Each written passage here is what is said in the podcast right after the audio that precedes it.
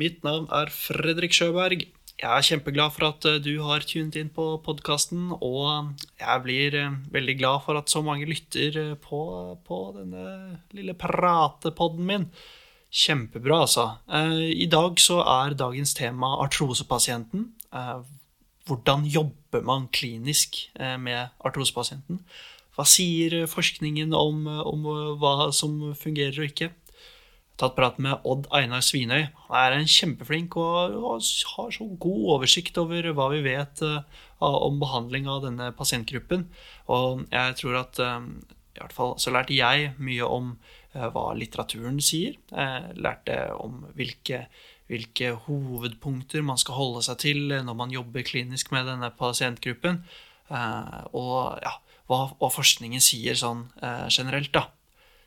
Jeg vil si at um, podkasten er praksisnær, og kanskje, kanskje, den kan gi deg litt inspirasjon på hvordan du kan jobbe med artrosepasientene. Fem, fire, tre, to, én.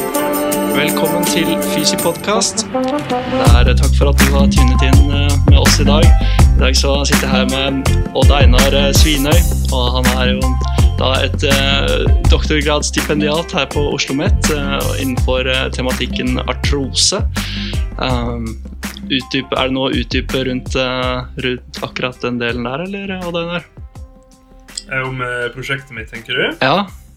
Altså, Vi driver en forskningsstudie der vi skal se på effekten av preoperativ styrketrening for eldre pasienter som venter på ny hofte. Eh, og vi skal se litt om de blir bedre av å gå etter operasjonen hvis de trener i forkant. Ja, riktig, riktig. Ja, ja men det, det, må vi snakke litt mer om uh, om et par minutter. Men før ja. vi hopper rett inn i det, så, så vet jo jeg at du er uh, en ram pokerspiller.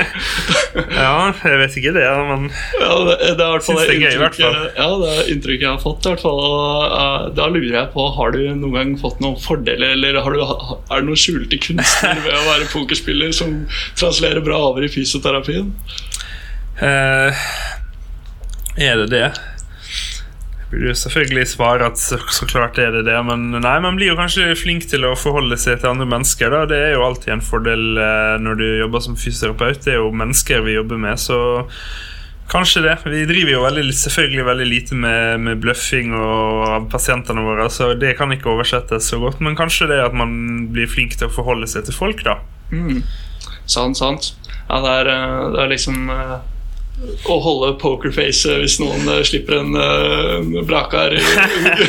ja, men jeg har også lært at det kan, da kan det veldig ofte være avvæpnende og, og gjøre litt morsomt av det. Da. Ja, det, er sant. Det, det, er jo tross alt veldig naturlig.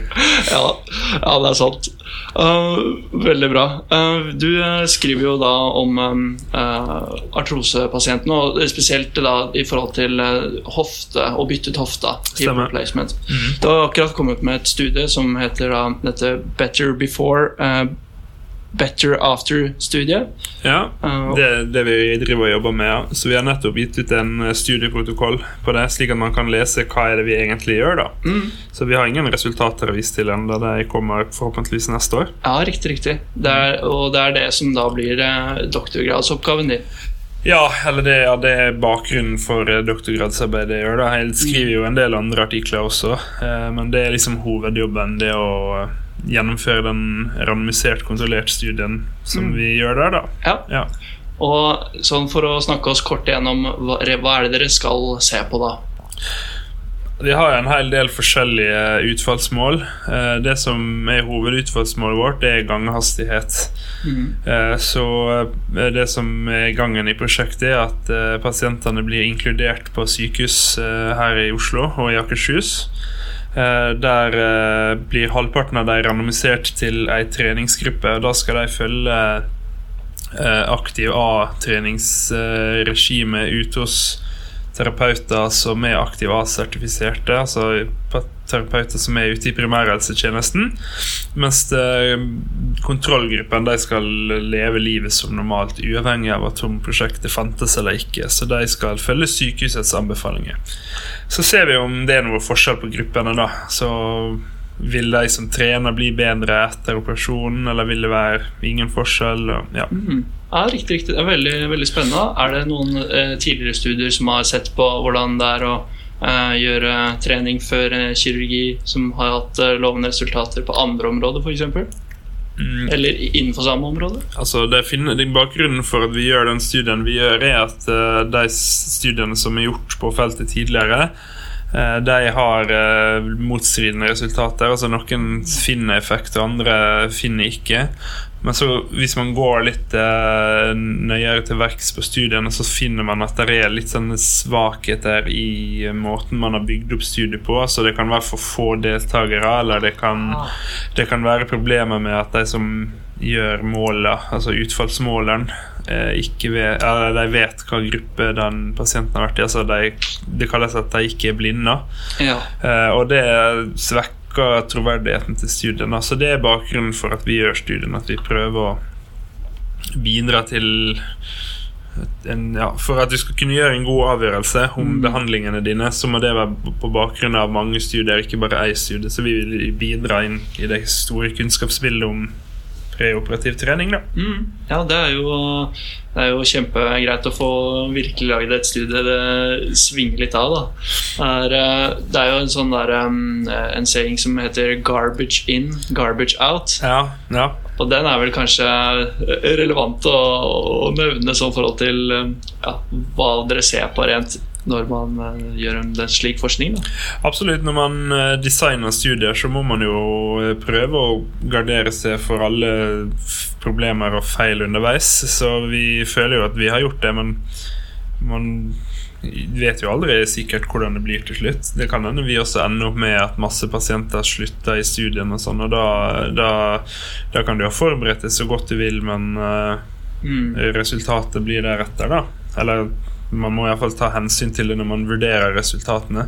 Så man kan aldri være sikker, men hvis man gjør et godt forarbeid, så er det bedre sjanser for å lykkes, da. Ja. det tror jeg gjelder i livet ellers òg. Ja, sant, sant. Ja. Det er, eh, du nevnte jo at eh, dere skal bruke en eh, aktiv A-approach i studiene deres. Ja. Hva er det som gjør aktiv A så, så hot og bra å skulle liksom bruke? Jeg sier det. Eh, altså Aktiva er en måte å eh, implementere de allerede eksisterende retningslinjene som finnes for, for uh, artrosepasienter. Så det er ikke i seg sjøl noe som er veldig hot eller ikke, men det er kanskje en måte for folk å oppdatere seg på kunnskap, da. Ja. Eh, Så vi, i prosjektet vårt så bruker vi eh, pasient, eh, terapeuter som har gått eh, på den aktiv A-kurs, et aktiv A-kurs. Mm. Eh, og de eh, har fått eh, innføring i hvordan du behandler eh, disse pasientene. Så Mm. ja, Aktiva ledes av Mariana Risberg og Inger Holm, som jobber på forskningsenheten på OUS. da Mm. så det må vi gi en shout-out til deg, for Ja. det syns jeg det gjør en viktig jobb. Absolutt. Shout-out, shout-out. Um, der uh, Er det noe mer enn bare treningen som inngår under Aktiva, eller er det Fordi man kunne jo kalt det ja, styrketrening kanskje på et sett òg, men er det, noe, er det noe mer under denne paraplyen Aktiva som inkluderes? Altså eh, Aktiva er jo basically de gjeldende retningslinjene. Så de, eh, behand, de behandlingsvalgene, eller de som er riktige behandling for artrosepasienter, eh, det er, er tredelt eh, som på en måte er i bunnen av den denne her pyramiden som vi definerer som god behandling for fysioterapeuter, nei, for pasienter. Artrosepasienter. Og det vi vet, er at i, tillegg til trening, som selvfølgelig er viktig, eh, viktig punkt for denne pasientgruppa, så skal de også ha pasientinformasjon, altså hvordan eh, er, hva er artrose, hvordan utvikler det, hvordan kan Ja. du mestre artrose, kan det være aktuelt med hjelpemidler, altså mestringsundervisning, kan du kalle det. Ja. Eh, men også eh, et punkt som fysioterapeuter nok ikke er flinke nok til å ta tak i med pasientene sine, er viktigheten av vektkontroll og vektnedgang for pasientene hvis det er aktuelt. da. Det er jo selvfølgelig ikke alle det gjelder, men det er et eh, viktig punkt som også er, er i bunnen, som alle artrosepasienter skal ha. Ja. Hvis det er noe lytterne skal ta med seg fra denne podkasten, så er det at alle pasienter skal ha trening. Alle pasienter skal ha eh, råd om vektnedgang hvis det er nødvendig, og alle pasienter skal ha pasientundervisning. Ah, flatt oppsummering der. Er, eh, er det gjort noen um, studier forhold til det med vektreduksjon og hvilken ja, reduksjon det har på f.eks. vektbæring i leddene våre? Sånn, eller er det er gjort masse studier som sier at eh, at uh, hvis du går ned en eh, kilo kroppsvekt, så reduseres belastningen eh, i leddet ditt. Uh, mange, eller, mange liker jo å bruke denne 1-4-regelen der at de sier at én kilo mindre kroppsvekt gjør en- fire kilo mindre leddbelastning. Det også er det litt sånn det er ikke kontroversielt, men det florerer forskjellige tall der. da Men det er utvilsomt uh, sikkert at eh, vektnedgang er gunstig for uh, leddet, men det er jo gunstig for kroppen generelt også. Ja, Ja. klart, klart. Er, um, som, uh, som dere sikkert har skjønt, så er dagens tema fysioterapi med artrosepasienten. Uh, og vi er jo godt i gang rundt praten der. Men hvem, er, hvem er denne pasienten? Hvem er den typiske artrosepasient? Mm, Det kommer litt an på hvordan du jobber og hvordan du, hvem pasienter du vanligvis ser. For artrosepasienter de finnes i alle aldre og alle former og fasonger. Um, hvis man skal ta alle artrosepasienter over én kam og liksom forenkle det veldig, så vet vi at artrosepasienten er um, er litt opp i åra. Mm. Vi ser at artrose begynner å utvikle seg Eller vi ser at forekomsten av artrose er mye høyere blant, eh, eller etter 55-årsalderen. Ja, riktig. ja. Eh, Og vi, den typiske artrosepasienten er, er kvinne, for det også er en tydelig tydelig risikofaktor, hvis man kan kalle det det. Ja. Eh, og så vet vi også at eh, artrospasienten nok er litt mer overvektig og kanskje litt mer inaktiv enn en andre, men også der er det en grov forenkling. Det må, det må du være klar over. at eh, eh, hvis vi skal lage en typisk pasient, så ville jeg lagt, lagt en sånn, men det er viktig å si at det, artrose finnes i alle former og fasonger. Man har jo Ja. disse her eh, vi, vi kan jo kanskje gå gjennom disse her risikofaktorene for artrose, da, for det tror jeg kan være smart eh, for uh, lytterne dine å, å høre. Absolutt. Altså, når vi snakker om risikofaktorer, så vet vi at den aller, aller viktigste risikofaktoren, det er alder. Ja. Og så er det jo litt sånn komisk å kalle alder en risikofaktor, fordi vi blir jo alle eldre, og forhåpentligvis i hvert fall. ja. um, men det, det vet vi, det ser vi bare er en veldig tydelig sammenheng mellom alder og artrose. Mhm. Kvinner er mer utsatt enn menn, og eh, genene dine har litt å si. Så disse tre tingene her, da, alder, kjønn og gener, det er det vi kaller for ikke-modifiserbare risikofaktorer. Ting du ikke kan få gjort noe med. ja. Um, I fysioterapi så har, jobber vi kanskje mer med disse her som er modifiserbare. ja. Uh, og der har vi allerede snakka om den, uh, en av de viktigste risikofaktorene, som er overvekt og fedme. ja. som er en veldig tydelig risikofaktor for kneartrose og håndartrose. Ikke for hofteartrose, men ja. Så vet vi altså at tidligere skade er en typisk Ja, riktig, riktig. Ja. Har du vært en skikkelig villmann i dine yngre dager, så er det ikke usannsynlig at kanskje du eh, kan få litt uh, wear and tear. Det er økt sannsynlighet for at du får artrose hvis du har eh, skada deg før. Ja. Så man ser jo det er jo på kne, kneartrose så ser man jo f.eks. at uh, tidligere korsbånds- og meniskskade er en risikofaktor. Ja, Er det sånn at f.eks. toppidrettsutøvere ofte er plaget senere i livet med artrosforandringer og sånn spesielt, eller? Det- Mm, eh, det er gjort eh, enkelte studier som sier at eh, det er f.eks.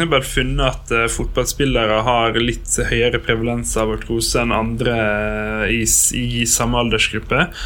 Eh, så jeg tror nok at toppidrettsutøvere kanskje er i risikosonen for artrose i senere tid. Spesielt om man driver med idretter så- eller sånn high velocity-idretter eller vridningsidretter eller støtidretter. Ah, ja. Men ja jeg, jeg tror ikke det er noe sånn at er, Man skal aldri advare folk mot å drive med idrett, da. si Nei, sånn. nei, sant. sant, sant. Det er, um, det er jo kanskje ofte enklere å lukte artrosen i hermetegn eh, når man har en eldre pasient som presenterer med liksom gradvis tiltakende vondt og stivhet. Og, men, men uh, hos den yngre pasienten så kan det jo være litt, uh, litt verre å, å, finne ut at akkurat uh, det er artrose det er snakk om. Ja. Er det noen holdepunkter man kan prøve å gripe seg fast i for å finne ut om det er en artrosetilstand i den yngre pasienten? Da? Ja, altså Eh, anamnesen er jo veldig viktig. Mm. Eh, jeg tenker at eh, hvis, hvis, vi skiller mellom eh, primær og sekundær artrose da, altså Primærartrose er den typen artrose som kommer gradvis eh, og eh, over veldig lang tid. Det er det vi kaller for den, den, van, den vanlige artrosepasienten du møter. Det er primærartrose. Det er rundt 90% av alle artrosepasienter. Ja. og den, det er en pasientgruppe som er veldig uvanlig at det er ung. da Mm. Så det spørs jo litt hva du legger i ung her. Når jeg snakker om unge artrosepasienter, så snakker jeg kanskje om 50-åringer. Ja. Uh, men hvis du snakker om ung som 20, kanskje 15 år, mm. så barn, mm. barn og ungdom, så er det mer sannsynlig at artrosen er, er av det vi kaller for sekundærartrose, som kommer fra f.eks. hoftedysplasier eller medfødte store feilstillinger i, eh, i leddet. Mm. Um, men uh, som sagt, hvis du har en 40-åring og du mistenker artrose, så kan det være eh, interessant å høre hva er det pasienten forteller det. Har det vært noen tidligere skader? Ja. Er, det, er, det, lignende problemer i familien? Mm. Eh, og så gjøre funnene dine Eller gjøre undersøkelsen din og basere funnene dine. Man finner jo gjerne sånne symptomer som Eh, nedsatt bevegelighet, mm. Eh, gjerne i flere retninger. Mm. Man finner nedsatt styrke, man finner økt smerte. Så alle disse funnene ja. kan være med på å styrke sannsynligheten for artrose. Ja. ja. Og så er det jo kanskje en annen gruppe også. Sånn med, det blir jo en litt annen type artrose, kanskje, med en sånn Bechdrev-pasienter og sånn. De er vel ofte litt yngre, yngre enn snittet av det, det vanlige artrosepasienter. Ikke sant? Ja, og da er vi jo egentlig inne på en helt annen sykdomsgruppe også. For når vi snakker om Bechdrev, da snakker vi om sånne revmatiske uh, Uh, hva heter disse sykdommene? Sånne ja, sykdommer som ja. angriper kroppen angriper autoimmune sykdommer. Ja. eh, så da er vi jo over på en helt annen pasientgruppe. Men det er riktig som du sier, at eh, Bechdrev-pasienter f.eks. De kan mm. oppdages i ung alder. Det er vel sånn mellom 20 og 30 der de som regel oppdages. Og det, det gjør man gjerne gjennom blodprøver da og finne en sånn ja. HLNA-markør, ja, eller hva er det den heter. Ja. Eh, så eh, det er en helt annen pasientgruppe som du må spørre noen andre enn meg om, tror jeg. Ja, det, ja, helt klart. Vi hadde en sånn liten sånn detour innom Beltre der. Ja. vi tar og snur fort den gangen, og så ja. piler vi oss tilbake. Og, og, så kan jeg stille spørsmålet eh, Vi skjønner jo at artrose at det handler om en leddtilstand, og at folk får vondt i ledda. Men, men hva, hva er artrose? ja, det er jo det tusenkronersspørsmålet. um, Artrose kan uh, ramme alle ledd som, uh, som er synovielle. Da. Ja. Så vi vet ikke helt hvordan artrose starter. Mm. Um, da er det kanskje en nobelpris eh, på gang ja. til den som klarer liksom å sette det helt eh, sikkert. Men vi vet at resultatet er en nedbrytelse av det som kalles for hyalinbrusk, altså brusk som inneholder kondrosytter. Ja. Eh, og eh, sammen med det så blir det nedsatt funksjon og økte smerte i leddet. Mm.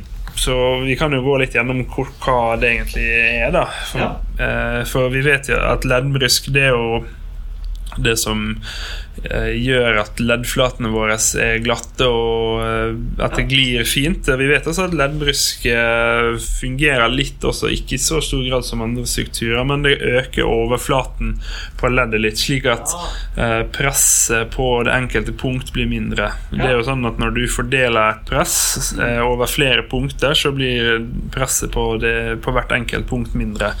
Så, så brusk har to funksjoner sånn. Eh, og det er også viktig å vite at brusk har ingen nerver og ingen blodforsyninger, så um, eh, brusk i seg sjøl er aldri smertefullt, mm. og brusk i seg sjøl har veldig dårlig eh, regenererende egenskaper. Altså det kan ikke tilhele seg sjøl. Ja. Så rundt leddet så finnes det en sånn leddkapsel som ligger på innsida av det som vi kaller for leddhinne. Ja. Og artrose det begynner som regel i en av disse strukturene. ja. Eh, Det kan gjerne begynne med en skade i brusken. Mm. Eh, Så vil disse bruskcellene og leddhinner reagere med en betennelsesreaksjon. Og det, det skjer, det som da skjer, er at man eh, får en økt produksjon av leddvæske. ja. Også betennelsesstoffer eller enzymer som ce ce cellene skiller ut. Får man mer, mer væske i leddet, altså? Ja, Ja. ja. Og der begynner nedbrytingen av eh, leddbrusken. Ja. Og ganske tidlig så kan det også oppstå noe som kalles for subkondral sklerose. Ja. Det vil si at beinvevet det endrer litt sammensetning. Ok. Eh, Det kan f.eks. bli økt bindevev i, eh, i beinet, og det kan også oppstå arrdannelser i beinet. da. Og så vet vi at kvaliteten på brusken senkes. Mm. Eh, Og det tror jeg også er noe som pasienter også, Det lærer de veldig tidlig av legen sin at brusken din er dårligere. Mm. Eh, Og det kan jo være veldig skummelt for pasienten. Eh, Og det er veldig reelt at brusken blir dårligere, da. Ja, men eh, jeg, jeg tenkte jo kanskje at eh, denne synovialvæsken, denne væsken inni leddet, det er den som har uh, næringsstoffene og, og mater brusken, på en måte. Mm. Uh, men eh, hvis det da er mer synovialvæske, mm. da er det nesten sånn intuitivt at man kan tenke burde det ikke være mer næringsstoffer, mer til, til brusken å kose seg med her? Ikke sant? Um, ja, det er jo, jeg skjønner at det er intuitivt å tenke, og det er kanskje, hvis du skal ha en superdyp forklaring på det, så kan det hende man må prate med en fysiolog eller lignende, men vi vet at kvaliteten på denne leddvæsken reduseres, da, og eh, evnen eh, Altså, brysken klarer ikke å ta opp eh, ta opp den samme endringen. Ja, riktig, riktig. Det er, eh, hvis man f.eks. tar et, eh, et bilde da, av, eh, av en hofte eller kne, Ja. og så er det en artroseforandring, Ja. er det gitt at pasienten er plaget med artroseplager da? Eh, absolutt ikke. Det, det er ikke så uvanlig at vi finner artroseforandringer hos alle pasienter. Og det er gjort mange studier som viser at, at uh, asymptomatiske artroser, eller altså artrose artroser som ikke der pasienten ikke er klar over at han er syk eller hun er syk, og det er jo for galt å kalle en pasient også, eller vedkommende da ikke vet at uh, Ikke er plaget med smerter, eller ja. ikke sant? Uh, og man finner artrose, og det kan du finne allerede i 20-årene. At en viss, det er en viss sjanse for at både jeg og du sitter her med artrose uten at vi sjøl vet om det. Eh, og så har man på andre siden de pasientene som har eh, eh, veldig store plager, men man ikke kan finne noen eh, noen funn på bildene. Mm. Så det er kanskje en diskusjon for en annen podkast, Ja. hva som eh, er greia der, da. Men eh, ja, det trenger ikke å være sammenheng i det hele tatt med med bilde og smerte. Og jeg vet at I 2011 så ga en kollega med ut, eh, Britt Elin Øyestad ut en studie der de eh, ser på funksjonen til pasienter med mild og moderat eh, artrose. Altså man har eh, funnet en Eller klassifisert en rø- rø- røntgenologisk artrose. Ja, Eh, og der, ser hun, der fant de at pasienter som har mild og moderat artrose, de har samme funksjonsnivå som de uten artrose. Mens, ja. Mens eh, de som har den mest alvorlige artrosen, der er det sånn Mm. Der kan du se at de er betydelig dårligere. Ja, ja. Ja. riktig. Mm. Um, eh, kan vi gå bare litt tilbake på, på dette med disse, denne brusken? Ja. Jeg, jeg kom, kom over, um, jeg kom over en, uh, en sånn bilde Jeg tror det var Adam Meekins som hadde lagt ut noe på Instagram. Ja. Og, uh, som, uh, med en forklaringsmodell på hvordan man kunne fortelle pasienter hvordan eh, type uh, aktivitet kanskje var hensiktsmessig for å få, uh, få forståelse på hvordan det påvirket brusken. Da. Ja. Og da brukte han da følgende eksempel at, uh, at uh, leddet fungerer litt som en, uh, en sånn læresvamp. Ja. Eh, en, uh, en svamp som bare har si- si- sittet oppe ved tavla i, uh, i- over natta. Den er ikke spesielt fornøyd. Den er knusktørr. Mm. Eller så har du denne svampen du har mistet oppi bøtta, som har bare est seg ut og har masse vann i seg. Den er heller ikke spesielt fornøyd. Nei. En fornøyd svamp er en svamp som blir fylt med vann, skviset ut, fylt igjen med vann og skviset ut. Ja. Og det er litt, litt sånn eh, er, det en ok forklaringsmodell på hvordan man kan eh, visuelt forklare hvordan trening hjelper på selve leddet eh, med artrosesituasjonen? Ja, den er absolutt, absolutt bra. For vi vet at mange pasienter er veldig redd for å belaste leddet sitt. og det kan jeg på sett og vis også forstå, for det, hvis man tenker at jeg vil, når jeg bruker leddet mitt, så sliter det mer. Ja. Eh, Så er det veldig intuitivt at eh, da er løsningen å ikke bruke ledd lenger. Ja. Eh, Så da er det viktig at vi som fysioterapeuter er gode på å kommunisere at dette ikke er tilfellet. Sånn en, den type metafor som du forklarer der, kan absolutt være fin. Fordi det er sånn at når vi belaster leddet vårt Eh, og det er ganske likt uh, beskrevet som den uh, svampen. For da, da kan man tenke seg at um, inni brusken vår består av noe Eller 95% av brusken vår består av noe som kalles for intercellulær substans. Ja. Så når du belaster leddet ditt, så presses den intercellulære substansen ut og eh, tar inn får tak i næring. Ja. Og når du avlaster leddet ditt igjen, så trekker den seg tilbake. Så det er måten brusken nærer seg sjøl på, da. Ah, Så hvis eh, Hvis pasientene sliter med å forstå hvorfor de skal drive med trening eh, for å hele brysken sin, eller for å holde brysken sin så glad som mulig, Ja, ja. så er det en måte å forklare dem på. da ja. det jo, Trening har jo åpenbart andre effekter utover å holde brysken glad, da, men ja. Ja. Men det var jo det var fint å få på en måte en litt sånn uh, kort og forenklet fysiologisk uh, funksjon på hva som skjer i denne spantmetaforen. Mm. Ja, jeg tror det er kjempeviktig for disse pasientene å, å avdramatisere eller å, å ufarliggjøre aktivitet. Selv om aktivitet kan gjøre vondt, så er det kjempeviktig at de fortsetter å gjøre det likevel. Ja, og det, det er jo ofte Det kan jo by på en utfordring eh, noen ganger hvis det har blitt kommunisert på en måte som pasienten Eller leddsituasjonen har blitt kommunisert til pasienten f.eks.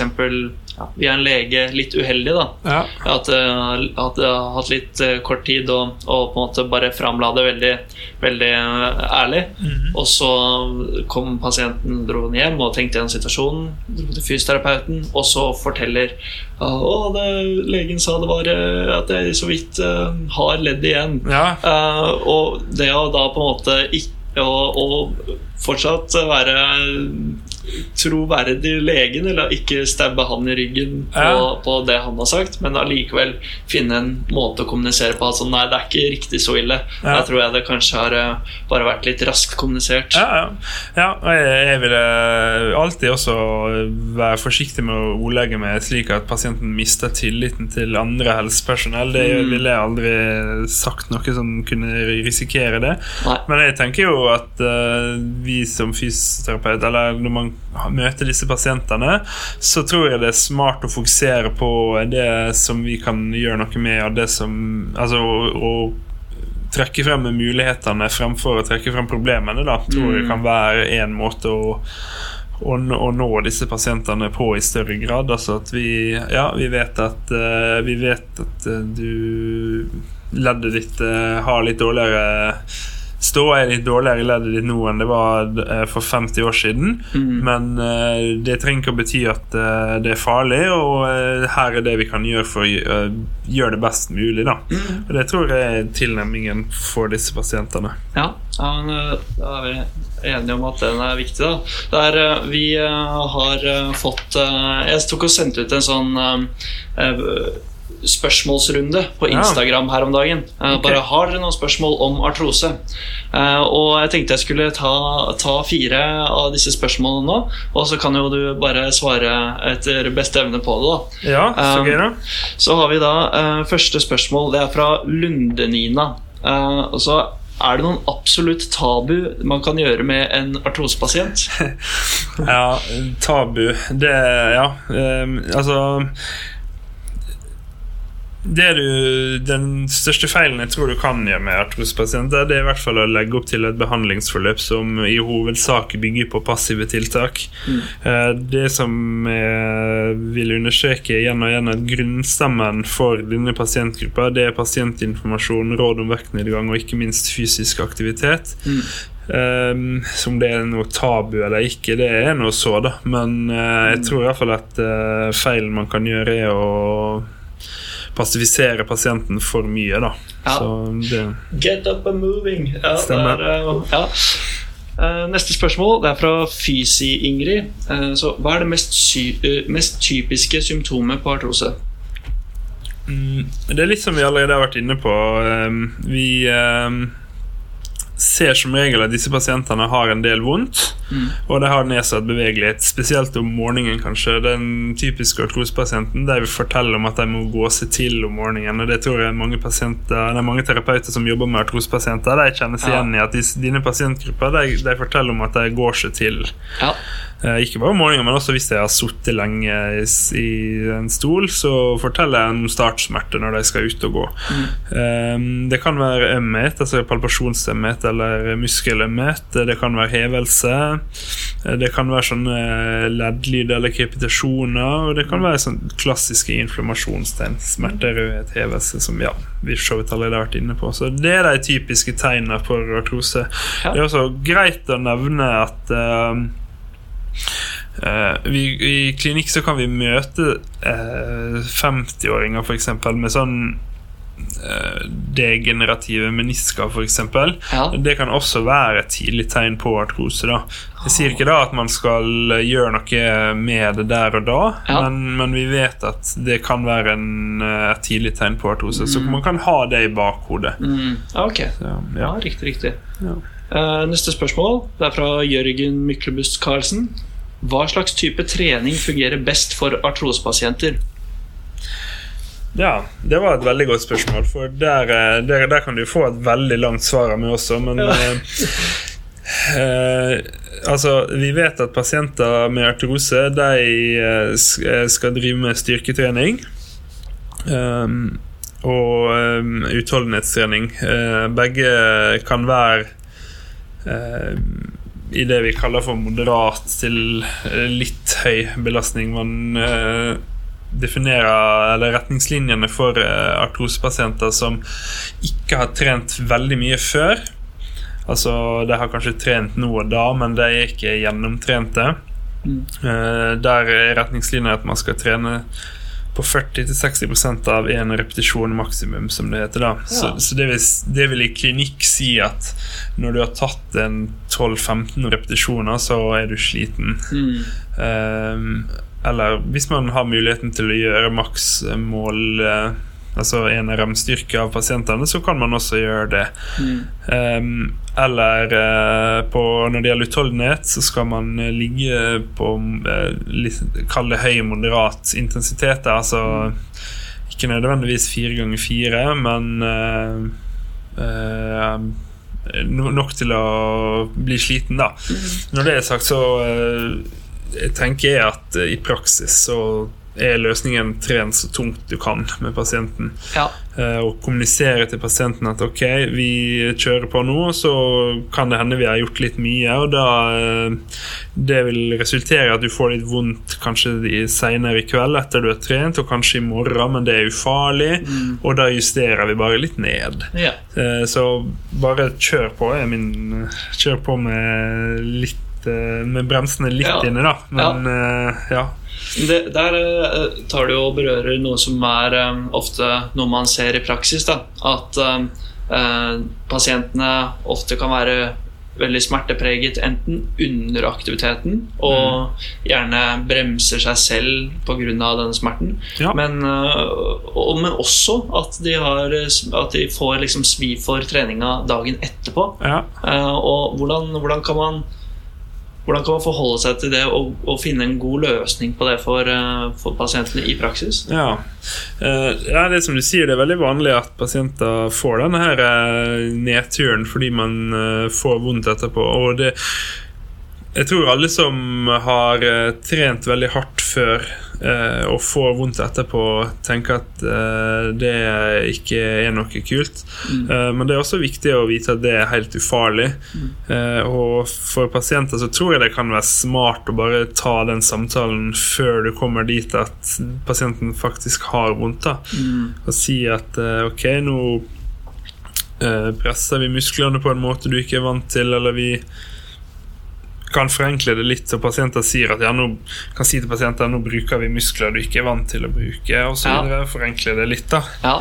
Um, og si at ja, det, hvis du får, vondt, får litt vondt i morgen, så er det helt naturlig, men også bare vær trygg på at det er ufarlig, da. Mm. Uh, og hvis eh, skaden først har skjedd og Eller det er vanskelig å forst- skjønne at jeg ikke mener det når, det, når jeg sier skaden først. Ja. Altså, det er ikke en skade, men når, du først, når først du har, først har trent pasienten så hardt at de får vondt, da, ja. eh, så bare forklarer du at ok, det er ufarlig, men vi doserer litt ned, slik at du slipper den smerten igjen, selv om Ja. det ikke er farlig. For pasienter tenker jo, og det skjønner jeg veldig godt, at nå har jeg gjort noe galt med leddet, eller nå har jeg skada skada leddet mitt, men det må man være flink på å kommunisere at så ikke er tilfellet. Ja, sant, sant. Har du noen erfaring med at eh, når de har hatt eh, god, god compliance til å trene over lengre tid, at det vil bli bedre og bedre i forhold til med smerte under og etterpå, eller er det varierende der? Det er jo selvfølgelig så klart det varierende så lenge man har med mennesker å gjøre, så vil jo det variere, men man ser, sånn, man ser en veldig tydelig trend at når pasientene blir vant til å trene, så blir denne eh, treningssmerten i større og større grad borte også. Og man ser at pasienter blir, eh, kan trene på seg mye bedre funksjon eh, selv om de har en leddskade, da. Ja. Mm. Veldig bra, veldig bra. Um, fint. Vi tar, så tar en eh, kort liten pause. Vi er straks tilbake. Å, det er reklametid! Ja, prøver meg på en sånn liten hipp sak, da, men eh, vet ikke hvor eh, kult det egentlig ble. Det er, dagens reklame er, er til l5.no. og L5 er en sånn videoplattform for fysioterapeuter, helsearbeidere, trenere, personlige trenere. Yes, eh, folk som jobber med eh, mennesker i eh, denne bransjen, da. Ved å abonnere på l5.no så får du også et abonnement på trustme.com. Det er eh, Netflix for fysioterapeuter, den engelske versjonen av l5.no. Eh, masse, masse forelesninger av eh, kjempeflinke klinikere klinikere, forskere. Det er faktisk en del, en del eh, på forhold til eh, artrose på, på TrustMed. Anthony Theoli har en episode om myter og kanskje liksom eh, og, ja, myter om den konservative behandlingen av artrose i kneet. Søren Torgård Skow har uh, en fin oversikt over forskningen på øvelsesterapi blant pasienter med artrose.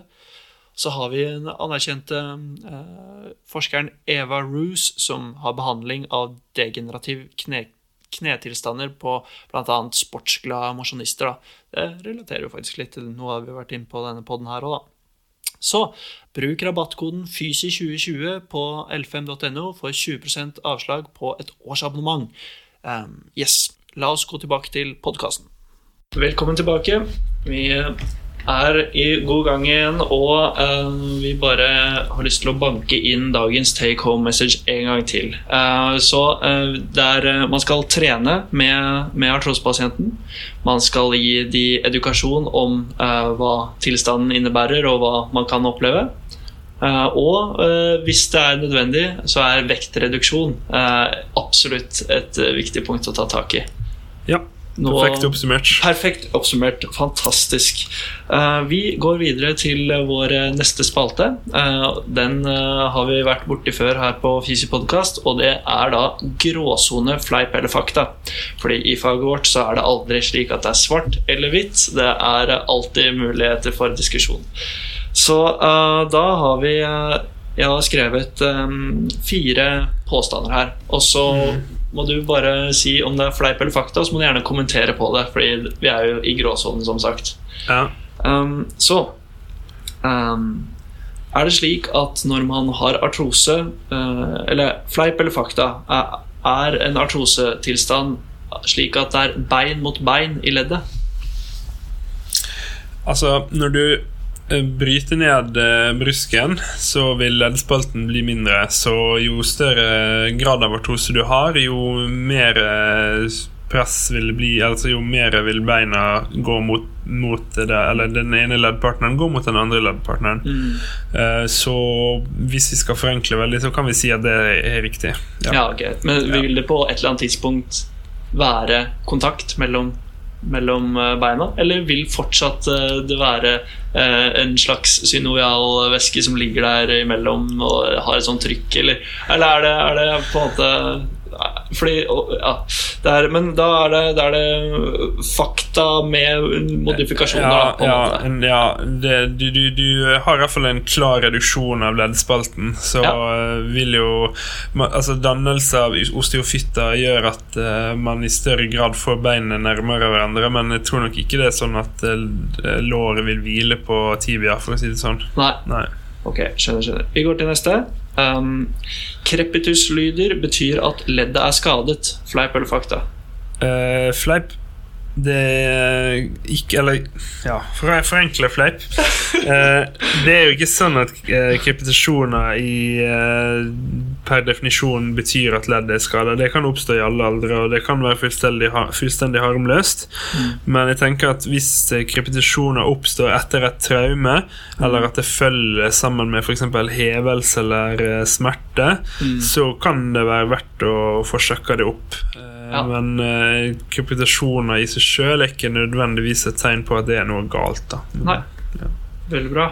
Uh, neste. Uh, artrose er reversibelt. Fleip eller fakta? Eh, artrose i seg sjøl, altså til- sykdomstilstanden artrose, er ikke reversibel. Altså, du klarer aldri å bygge opp igjen den brusken som du har slitt ned. Men det er det, altså, så de degenerative endringene de får ikke vi gjort noe med. Men symptomene av artrose, og i hvor stor grad pasienten er plaga av artrosen sin, er helt klart reversibelt. Eh, og det tenker jeg kanskje er det viktige for pasienten å vite også, at det gjør ingenting om ledd er litt, uh, er litt uh, skada, men det trenger ikke å bety at du har vondt. da.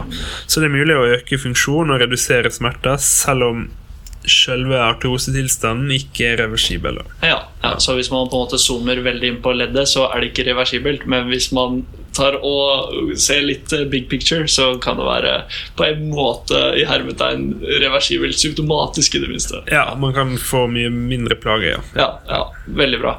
Eh, Så har vi den eh, siste fleip eller fakta, og den er jo litt sånn eh, I beste sendetid på TV-en så er det jo alltid sånne reklamer for kollagen pluss. Ja, Og har kollagen pluss en positiv virkning på leddene våre? Fleip eller fakta? Um, ja, det kan jo for det første være greit altså, at en lege eller andre vil gi deg tydelige svar på det, men når vi vet hvordan kroppen vår fungerer, altså når du inntar eh, i det eksempelet her kollagen pluss, mm. så vet vi at eh, når det kommer til tarmen din, så vil det brytes ned til eh, altså, proteins byggeklosser, altså aminosyre mm. og blir tatt opp som aminosyre. Ja. Eh, så aminosyre det, vil, det kan kroppen klare å produsere sjøl, og det kan du også innta gjennom eh, normal kost. Ja. Eh, så mm, du klarer, vil aldri klare å ta inn kollagen slik som de kanskje gir uttrykk for i reklamen. Ja. Eh, og sånn sett så kan du like godt spise et egg eller litt eh, gelé, da. For vi vet at eh, hoved, eh, hovedbestanddelen av kollagen pluss eh, med disse, sammen med disse fiskeoljene er gelatin. da. Aha. Eh, og det er der man får eh, kollagenet fra. Da. Kollagen er jo et protein som Ah, du finner riktig, overalt i Så det er ikke sånn at eh, når du spiser eh, da, disse såkalte kollagenpillene, at du får mer kollagen i leddene dine på et eller annet vis, eller at det er noe Nei. Nei. Der eh, sier vi som eh, Jon Almaas, da legger vi en død inntil eh, en, en I hvert fall hvis en lege kan bekrefte det vi sier her. Tror vi kan legge den død. Ja, vi legger den død. Ja. Veldig bra. Ok. Um, da har vi gått gjennom uh, gråsone og fleip eller fakta-spalten vår. Eh, og eh, vi er jo litt på sånn spaltekjøret eh, helt på slutten av hver episode. Eh, så jeg tenker at vi kan eh, gå videre til eh, vår neste faste spalte som heter da aha-opplevelser. Der eh, du gjerne må dele en kryptert for uh, taushetsplikten case, uh, fiktiv sak, fra din, din praksis, hvor, hvor, du har hatt en, en gladhistorie med forhold til ja, f.eks. da trening med artrosepasienten, vektreduksjon og edukasjon. Da. Ja. Noe, har du noen aha-opplevelse? Man møter jo dine, dine pasientgrupper veldig ofte, så man eh, får veldig mange situasjoner der man som er potensielle aha-opplevelser. da Men jeg kan jo trekke frem én spesielt. Eh, eller det var ei dame som var kanskje rundt 70 år, som kom med artroseplager. Hun har allerede vært og tatt bilde, da som de som ofte har, og fått konkludert med at ok, leddet mitt er skada. Mm. Så møtte hun meg, og så bruker jeg veldig lang tid på anamnesen, for jeg skjønner at hun, her må vi bruke litt tid da for mm. å på en måte prime gjøre, eller gjøre pasientene klar for det opplegget jeg har lyst til å kjøre med det. da ja. Eh, så vi bruker lang tid på anamnesen, og så blir vi til slutt enige om at ok, vi forsøker å trene litt. Eh, for disse, dine pasientgrupper vil ofte ha passiv behandling, da, fordi det er mm. sikkert er deilig. Ja, ja. Um, så blir vi enige om at vi prøver å trene, og det da definerer vi et tidsrom, og vi skal trene så og så lenge. Og så forsøker vi å se hvordan det går. Pasienten har jo selvfølgelig ikke troa på at dette hjelper, men ja ja, prøv nå, da. Ja. Hun kommer nå til en fagperson, så man, kanskje man kan forsøke det blir, som blir foreslått. da ja, eh, Så vi setter i gang å trene, og så går det noen uker, og så eh, blir hun gradvis bedre og bedre. Eh, og det her er på et tidspunkt Altså noen uker, ja, en uke, halvannen uke, mm. så begynner hun gradvis å bli bedre. Mm. Så slår det med at hun har ikke trent slik som jeg ønsket at hun skulle trene. da ja, ja. Eh, fordi hun har trent eh, Hun har stort sett Det her var en hoftepasient. Ja. Og når jeg ser henne i treningssalen, så driver hun bare med nedtrykk. da Så ah. tenkte jeg ja, ja, det, noe, det er noe bra det at du trener, men det var ikke det vi var enige om. eh, men hun blir likevel bedre, da. Okay. Eh, så jeg vet ikke om det, det er litt sånn vanskelig Det er ikke en sånn tydelig aha-historie eh, å fortelle noe, det skjønner jeg, men jeg så at pasienten hun ble bedre i hofta si bare ved å drive med generell fysisk aktivitet. Ja. Um, og hun økte toleransen sin for andre typer aktiviteter. Så etter en seks-sju uker så var vi, var vi på tredemølla, og vi drev med vekta knebøy. Og, så ja. uh, jeg tror det kan være smart å um, selv om vi ønsker å begynne Eller vi ønsker å lande på vekte knebøy eller utfall eller sånne typer øvelser, så kan det være et argument å drive med andre ting først også, da. Mm. Så bare Ja, aha-opplevelsen må kanskje være at denne pasientgruppa her eh, kan trene, og de bør trene, da. Mm. Ja. ja. og at uh, selv om uh, tilstanden er som den er i selve leddet, så kan fortsatt uh, symptomene og smertene blir bedre. Absolutt. At, uh, ja. Kan få en god progresjon sånn sett. Mm, det ser vi både i forskning og i uh, vår vanlige hverdag, at uh, dine pasientgrupper har stort forbedringspotensial. Mm. Kjempebra.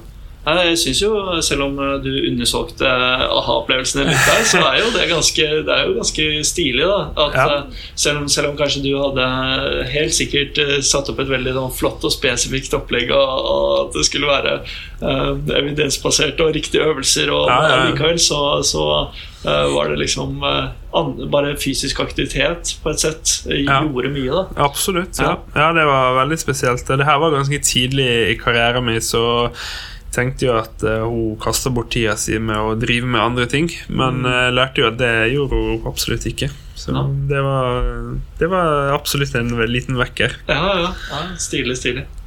Kjempebra. Um, bra. Uh, er det noe du har lyst til å si som på tampen Noe du har lyst til å melde ut til våre kjære lyttere? Så med stor fare for å gjenta meg sjøl, så eh, er det jo bare å understreke at dine pasientgrupper de eh, skal du prøve å trene så mye du kan med, og ikke gi dem passive tiltak. Eh, Man kan selvfølgelig bruke passive tiltak som støttetiltak, men hovedbestanddelen skal være aktivitet. Og hvis de trenger råd om vektnedgang eh, og de trenger pasientinformasjon, så er det også en veldig fin arena for en fysioterapeut å, å ta litt tak. da. Ja. Eh, Så jeg tenker at hvis, eh, hvis disse lytterne har lyst til å lære litt mer om dette, så kan de gå inn på aktivmeartrose.no og lese litt mer om det.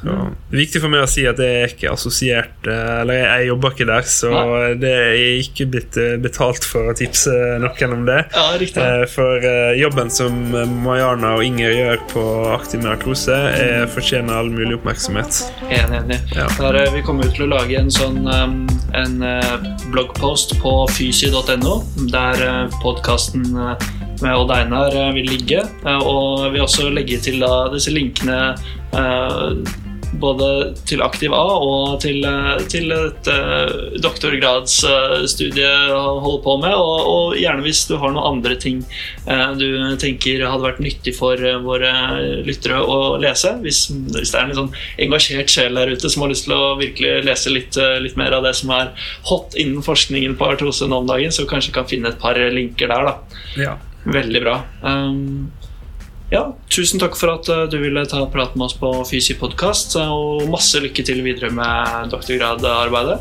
Tusen takk for at jeg fikk komme, og takk. Veldig bra. Ha det bra. Ha det. Tusen takk for at du lyttet. Har du spørsmål, ønsker til gjester, tematikk eller generelle tilbakemeldinger på podkasten, så send oss gjerne en mail på post at fysio.no, eller en direktemelding på fysio.no sine Facebook-sider eller Instagram-sider. Husk også å sjekke ut fysio.no, våre nettsider. Da. Eh, til slutt så vil jeg bare si at eh, disse reklamesamarbeidene inngår, er etter min vurdering nyttige produkter for helsepersonell, og jeg ville ikke gått inn hvilket som helst samarbeid der. Eh, Dersom noen ønsker å komme i kontakt for reklame via podkasten, så må dere gjerne sende en mail, så kan vi prate om det. Så uh, igjen, en, uh, takk for at du lyttet, og ha en fin dag videre. Ha det godt.